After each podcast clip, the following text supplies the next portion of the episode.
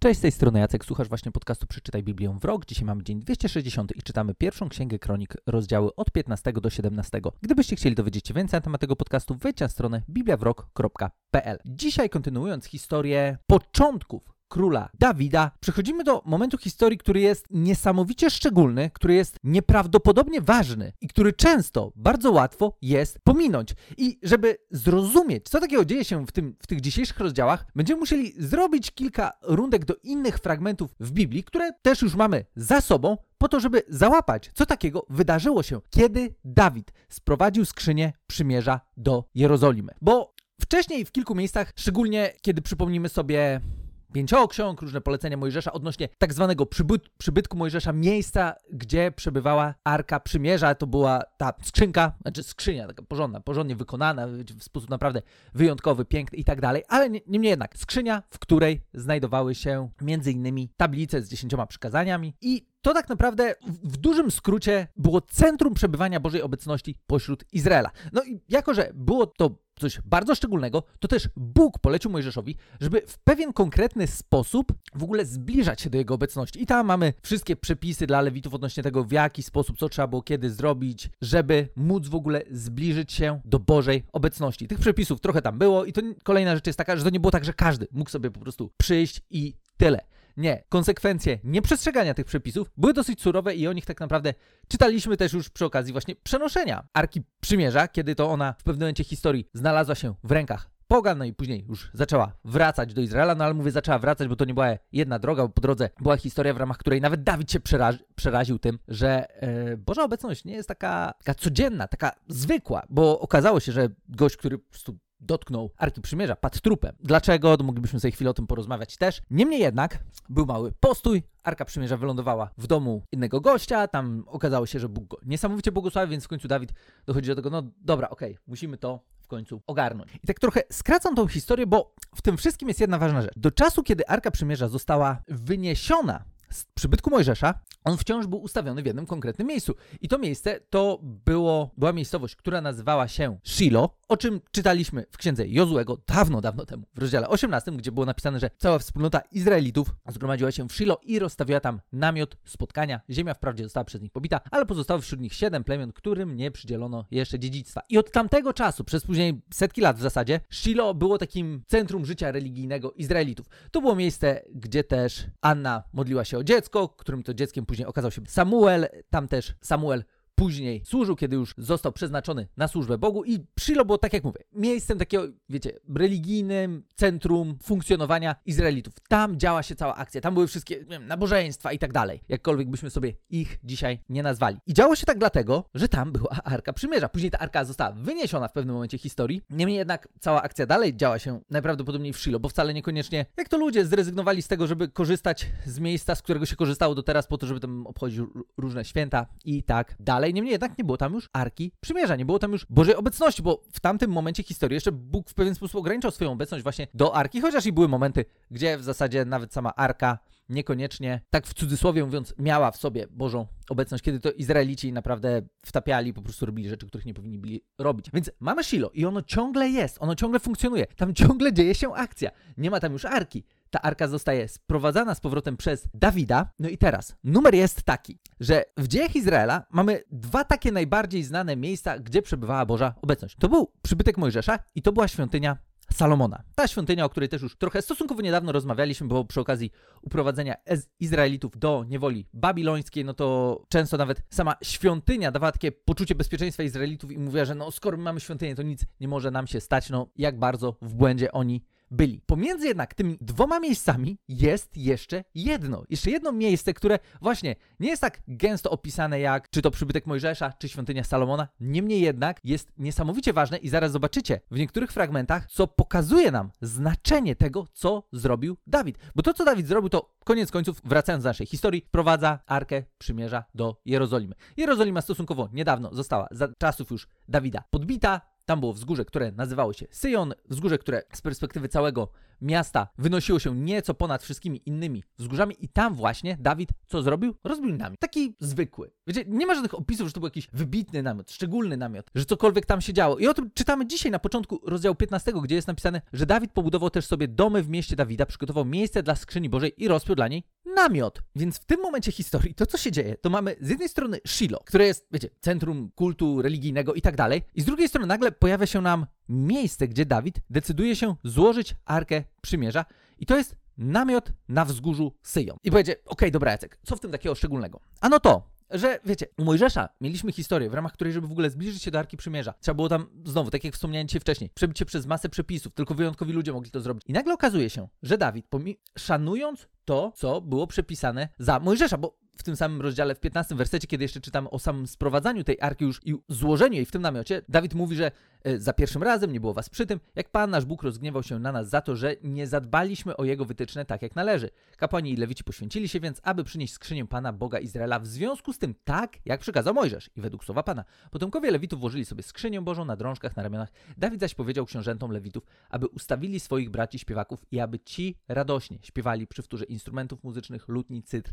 i cymbałów. Z jednej strony widzimy, że Dawid zwrócił uwagę na to, że ok, sposób transportowania musimy ogarnąć, bo właśnie historia nam pokazuje, że nie ma co do tego podchodzić zbyt lekko, więc wraca tutaj do przepisów danych przez Mojżesza, ale do tego całą otoczkę tego, w jaki sposób dalej ta skrzynia była transportowana, to już była inwencja Dawida, gdzie czytamy o tym, że ustanowił e, śpiewaków, aby radośnie śpiewali przy wtórze instrumentów muzycznych, lutni, cytr i cymbałów. Dalej w wersecie 22 czytamy, że Kenaniasz, książę Lewitów, kierował całym śpiewem, ponieważ miał ku temu zdolności, więc nie byle jakich ludzi wybrał do tego, żeby dzisiaj w takich kościelnych kręgach byśmy powiedzieli, że prowadzili uwielbienie. Jakichkolwiek kręgów nie jesteśmy, słowo uwielbienie, jeżeli jesteśmy gdzieś bliżej trochę jakichś wspólnot, to, to możemy kojarzyć takie hasło. I to jest to, co mniej więcej tutaj się działo. Było dużo muzyki, dużo śpiewania, dużo radości, dużo słów wychwalających samego Boga. Tym właśnie otoczeniu, właściwie pełnym radości, radości, muzyki, Arka Przymierza zostaje doprowadzona do tego namiotu, gdzie w wersecie 26 tego samego 15 rozdziału czytamy, a ponieważ Bóg dopomógł Lewitom, którzy nieśli skrzynię Przymierza z Panem, złożono na ofiarę rzeźną 7 cielców i 7 baranów. Dawid szedł odziany w płaszcz z bisioru, podobnie jak wszyscy Lewici, którzy nieśli skrzynię i śpiewacy, w tym Kenaniasz, kierujący śpiewem, Dawid miał ponadto na sobie lniany efot. No i tam jest historia, o której już w zasadzie czytaliśmy właśnie przy okazji drugiej księgi Samuela, kiedy to był ten pierwszy opis tego, jak Dawid sprowadzał skrzynię przymierza do Jerozolimy. I dalej, w rozdziale 16 na samym początku czytamy, że sprowadzono zatem skrzynię Bożą, ustawiono, ustawiono ją w środku namiotu, który Dawid dla niej rozpiął. Złożono też przed obliczem Boga ofiary całopalne i ofiary pokoju. Dalej czytamy, że Dawid ustanowił przed skrzynią Pana służbę, służbą z Lewitów, aby wspominali i wielbili Pana Boga Izraela oraz dziękowali. I w wersecie 37 czytamy, że Dawid pozostawił zatem tam przed skrzynią przymierza z panem Asafa i jego braci mieli oni pełnić służbę nieprzerwanie, zgodnie z ustalonym dziennym porządkiem. I ten dzienny porządek tak naprawdę to był porządek dzienny i nocny, bo oni mieli to robić nieprzerwanie. Tam ta muzyka, to wychwalanie Boga trwało bez przerwy. I teraz, co jest szczególnego w tej historii? Jakie ta historia ma znaczenie dla nas? Otóż, okazuje się, że to, co zrobił Dawid, to nie jest tylko o jakaś taka historyjka, która gdzieś tam się pojawia, właśnie nie wiem, w, u, u Sam, w księgach Samuela, teraz się pojawia w księdze Kronik i o niej zapominamy. Nie. To, co zrobił Dawid, było na początku wyjątkowe o tyle,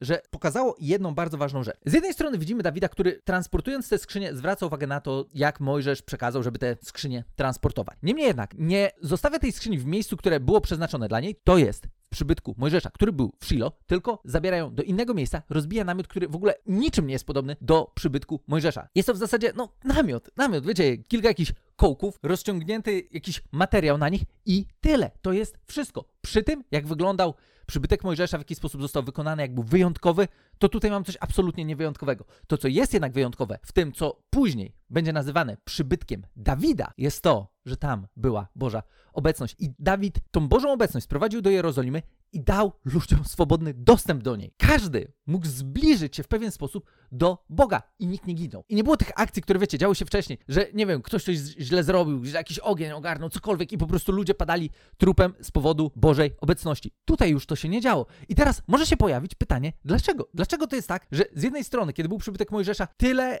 konsekwencji było wyciąganych z ludzi, którzy postępowali wobec tego przybytku, czy w tym przybytku niewłaściwie, a tutaj nagle Dawid robi coś kompletnie poza jakimikolwiek przepisami, które przeznaczył Mojżesz. Robi coś całkiem po swojemu. On namiot rozbija po swojemu. W ogóle ten namiot nie jest, tak jak wspomniałem, w ogóle podobny do tego, co zrobił Mojżesz, a jednak to działa. Boża obecność jest na wyciągnięcie ręki dla każdego. Nie musisz być wcale lewitą, żeby do niej się zbliżyć, nie musisz być nikim szczególnym, nie musisz być jakimś kapłanem. Każdy mógł się zbliżyć do Bożej obecności. I ta Boża obecność była otoczana wyjątkową troską, chociażby widzimy to w sposobie, jak ta nazwijmy ją sobie służba muzyczna tam funkcjonowała, która miała działać bez przerwy, to jest coś naprawdę wyjątkowego, jeśli chodzi o Stary Testament. Bo znowu, możemy sobie przypomnieć różne przepisy, które gdzieś tam były dane Mojżeszowi i teraz nagle widzimy gościa, który po prostu ignoruje masę tych przepisów, robi coś całkiem po swojemu i robi to wobec tego przedmiotu, który był niejako nośnikiem Bożej obecności. I teraz, co sprawia, że ta historia jest tak wyjątkowa? Poza tym, że nagle widzimy coś, co jest dosyć niespotykane. Dawid robi coś całkowicie po swojemu, wbrew przepisom Mojżesza w bardzo wielu kwestiach i wygląda na to, że Bóg to się podoba. Wygląda na to, że Bóg jest z tego zadowolony. Wygląda na to, że Bóg nie ma w ogóle problemu z tym, że ludzie do niego się zbliżają. Nagle, w Starym Testamencie, Dawid miał zrozumienie tego, co Bóg przygotował dla świata w ogóle, gdzie istotą tego, co Bóg chciał uczynić, tego w jaki sposób Bóg chciał doprowadzić do miejsca pojednania ludzi z Bogiem, jest właśnie to, że każdy bez wyjątku ma do niego dostęp. I teraz kwestia przybytku Dawida pojawiła się u Amosa. O tym nie rozmawialiśmy, kiedy pojawiła się księga Amosa. Możecie sobie do niej wrócić, jeżeli chcecie. Niemniej jednak w wersecie 11 czytamy, że w tym też dniu postawię podupadły szałas Dawida, zamuruję wyłomy, podniosę go z ruin i odbuduję go. Będzie jak w dawnych czasach. Wiem, że tu pojawia się słowo szałas, ale to jest to samo słowo, które później byśmy mieli jako przybytek w innych miejscach, więc tu chodziło, wiecie, był przybytek Mojżesza, przybytek Dawida i świątynia Salomona. Trzy takie miejsca, w których Boża obecność przebywała, z czego najmniej spektakularny był przybytek Dawida. Ale okazuje się, po tym co widzimy tutaj u Amosa, że dla Boga to było coś szczególnego, bo nie mówi tutaj, że odbuduje przybytek Mojżesza, odbuduje świątynię Salomona, tylko nie, w tym też dniu postawię podupadły szałas Dawida. Co takiego szczególnego miało to oznaczać, że pomimo tego, że były dwa, okej, okay, no przybytek Mojżesza może nie był aż tak spektakularny, ale był wykonany w bardzo wyjątkowy sposób. Świątynia Salomona była absolutnie spektakularna i robiła na wszystkich piorunujące wrażenie. I tu nagle po środku mamy jakiś przybytek Dawida, który okazuje się dla Boga jest tak ważny, że już u, u Amosa wspomina o tym, że ja to odbuduję. To, co tam się działo, jest ważne, jest szczególne i to jest coś, co chcę, żeby zostało w pewien sposób przywrócone w odpowiednim czasie. I ten czas przychodzi po tym, jak przenosząc się kilkaset lat do przodu, na Ziemi pojawia się niepozorny albo ale bardzo wyjątkowy gość, który ma na imię Jezus, który to twierdzi, że jest Synem Bożym, umiera za grzechy całego świata, zmartwychwstaje i później idzie do nieba, wysyłając swoich uczniów, swoich naśladowców z misją, żeby dobrą nowiną o tym, że Bóg nie jest wściekły na ludzi, Bóg chce, żeby ludzie się do Niego zbliżyli, żeby mogli skorzystać z życia, które On dla nich ma, które teraz ludzie mogą doświadczyć w sposób wyjątkowy po tym, co Jezus uczynił, żeby o tym mówili wszystkim. I teraz, to niekoniecznie było takie oczywiste w tamtym czasie, o czym jeszcze pewnie będziemy rozmawiać, że faktycznie uczniowie chcieli mówić wszystkim, bo wszystkim to im się wydawało, że wszystkim Izraelitom, no bo generalnie cały kult Boga w Izraelu kręcił się wokół Izraela. Okej, okay, były opcje, w ramach których poganie mogli zbliżyć się do Boga, mogli stać się częścią wspólnoty Izraela, ale generalnie nie było to coś, że wiecie, było jakieś, nazwijmy je sobie w cudzysłowie, ewangeliza ewangelizację wśród pogan, żeby stali się Izraelitami. Nie, oni mogli, były takie opcje, zresztą takie postaci też już spotkaliśmy w naszej historii. Niemniej jednak, to nie jest tak, że dla uczniów Jezusa było to jakieś oczywiste, że mają iść do pogan. I, I, kiedy to właśnie okazało się, że Ewangelia jest przeznaczona dla pogan, historie, które są opisane później w dziejach apostolskich, już trochę skrócę, bo o tym moglibyśmy naprawdę dużo mówić, to ma miejsce wydarzenie, które właśnie jest związane bezpośrednio z tym, że nagle nawracają się poganie i jest cała rozkmina, co z tymi poganami zrobić, czy oni teraz mają przestrzegać wszystkich przepisów Starego Testamentu, czy mają ich nie przestrzegać, co takiego mamy zatem zrobić. I teraz w, tra w trakcie tego wydarzenia odzywa się Jakub, który był bardzo blisko Jezusa i mówią następującą rzecz. Posłuchajcie, drodzy bracia, czytam od wersetu 13. Szymon zwrócił naszą uwagę, że to Bóg pierwszy zatroszczył się o to, aby przygotować sobie wśród pogan lud mający czcić Jego imię. Potwierdzając to pisma proroków, gdzie czytamy, potem powrócił powrócę i odbuduję podupadły przybytek Dawida. Naprawię jego zniszczenia, wzniosę go na nowo. By pozostali ludzie mogli znaleźć Pana, a w tym wszystkie narody, nad którymi wezwano mojego imienia, mówi Pan, który te rzeczy czyni znanymi od wieków. I dalej Jakub kontynuuje, już nie będę czytał wszystkiego. Dlatego ja uważam, że nie należy czynić trudności tym spośród pogan, którzy nawracają się do Boga. Ważne jest to, że tutaj Jakub odnosi się też do Amosa i pokazuje, że to, co teraz się dzieje, to w jaki sposób historia teraz się toczy, to jest właśnie to, o co chodziło. Dawid setki lat wcześniej zrozumiał coś, czego prawie nikt nie zrozumiał w tamtym czasie. Że Bogu nie chodzi o to, żeby mieć tylko jeden wyjątkowy naród, tylko jedno wyjątkowe miejsce, gdzie będzie przebywała jego obecność, tylko jakichś wyjątkowych ludzi, którzy mogą do niego się zbliżać, tylko Boży plan jest dla wszystkich. I to Dawid pokazał poprzez to, w jaki sposób przygotował tak zwany przybytek Dawida, który nie był żadnym spektakularnym przybytkiem, był zwykłym namiotem, ale tam przebywała Boża obecność, która była dostępna dla wszystkich. I tak samo dzisiaj Boża obecność jest dostępna dla wszystkich. O tym mówił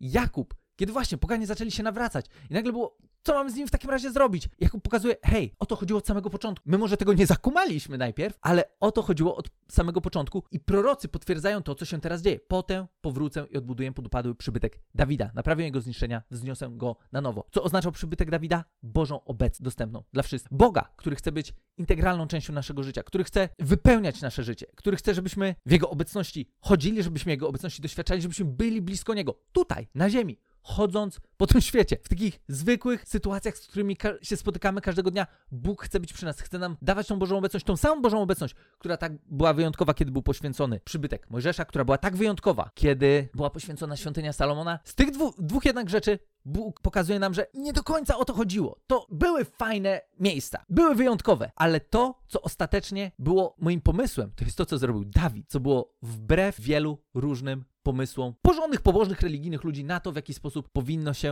nazwijmy to sobie tak w cudzysłowie, ugościć Boga. Dawid to zakumał w bardzo niereligijny sposób, bardzo zaskakujący sposób, w sposób, który być może kogoś oburzył. Zresztą mieliśmy ludzi oburzonych podczas procesji, którą Dawid zorganizował, kiedy ta Arka Przymierza była też do Jerozolimy sprowadzana. Dawid otworzył Bożą obecność na wszystkich, bez względu na to, kim jesteś, bez względu na to, skąd jesteś, bez względu na to, czy wydaje ci się, że jesteś osobą wyjątkową, czy nie. Bóg pokazał tym, co zrobił Dawid, że to jest to, o co mu chodziło, żebyśmy my mogli w końcu być blisko Niego w naszej codzienności. Dużo można by było rozmawiać o tej historii, szczególnie, żeby odnieść się do tych wszystkich kwestii, mówić sobie kwestię związaną z przybytkiem Mojżesza, ze świątynią Salomona i z tym wszystkim, jak ten przybytek Dawida w tym wszystkim się znalazł. My to zrobiliśmy w sposób dosyć skrócony, można by było chwilę dłuższą na to poświęcić. Dlatego, jeżeli chcecie, możecie sobie wrócić do właśnie chociażby przybytku Mojżesza, zobaczyć, jak to tam wyglądało i zobaczyć, jak bardzo Dawid wyłamał się z tym, co zrobił, co było tak wyjątkowe i co później zostało potwierdzone nawet przez samych apostołów, kiedy wrócili do tekstu, który powiedział Amos i powiedzieli, o to właśnie chodził Bóg. Chce, chce być blisko, chce być dostępny, chce, żebyśmy doświadczali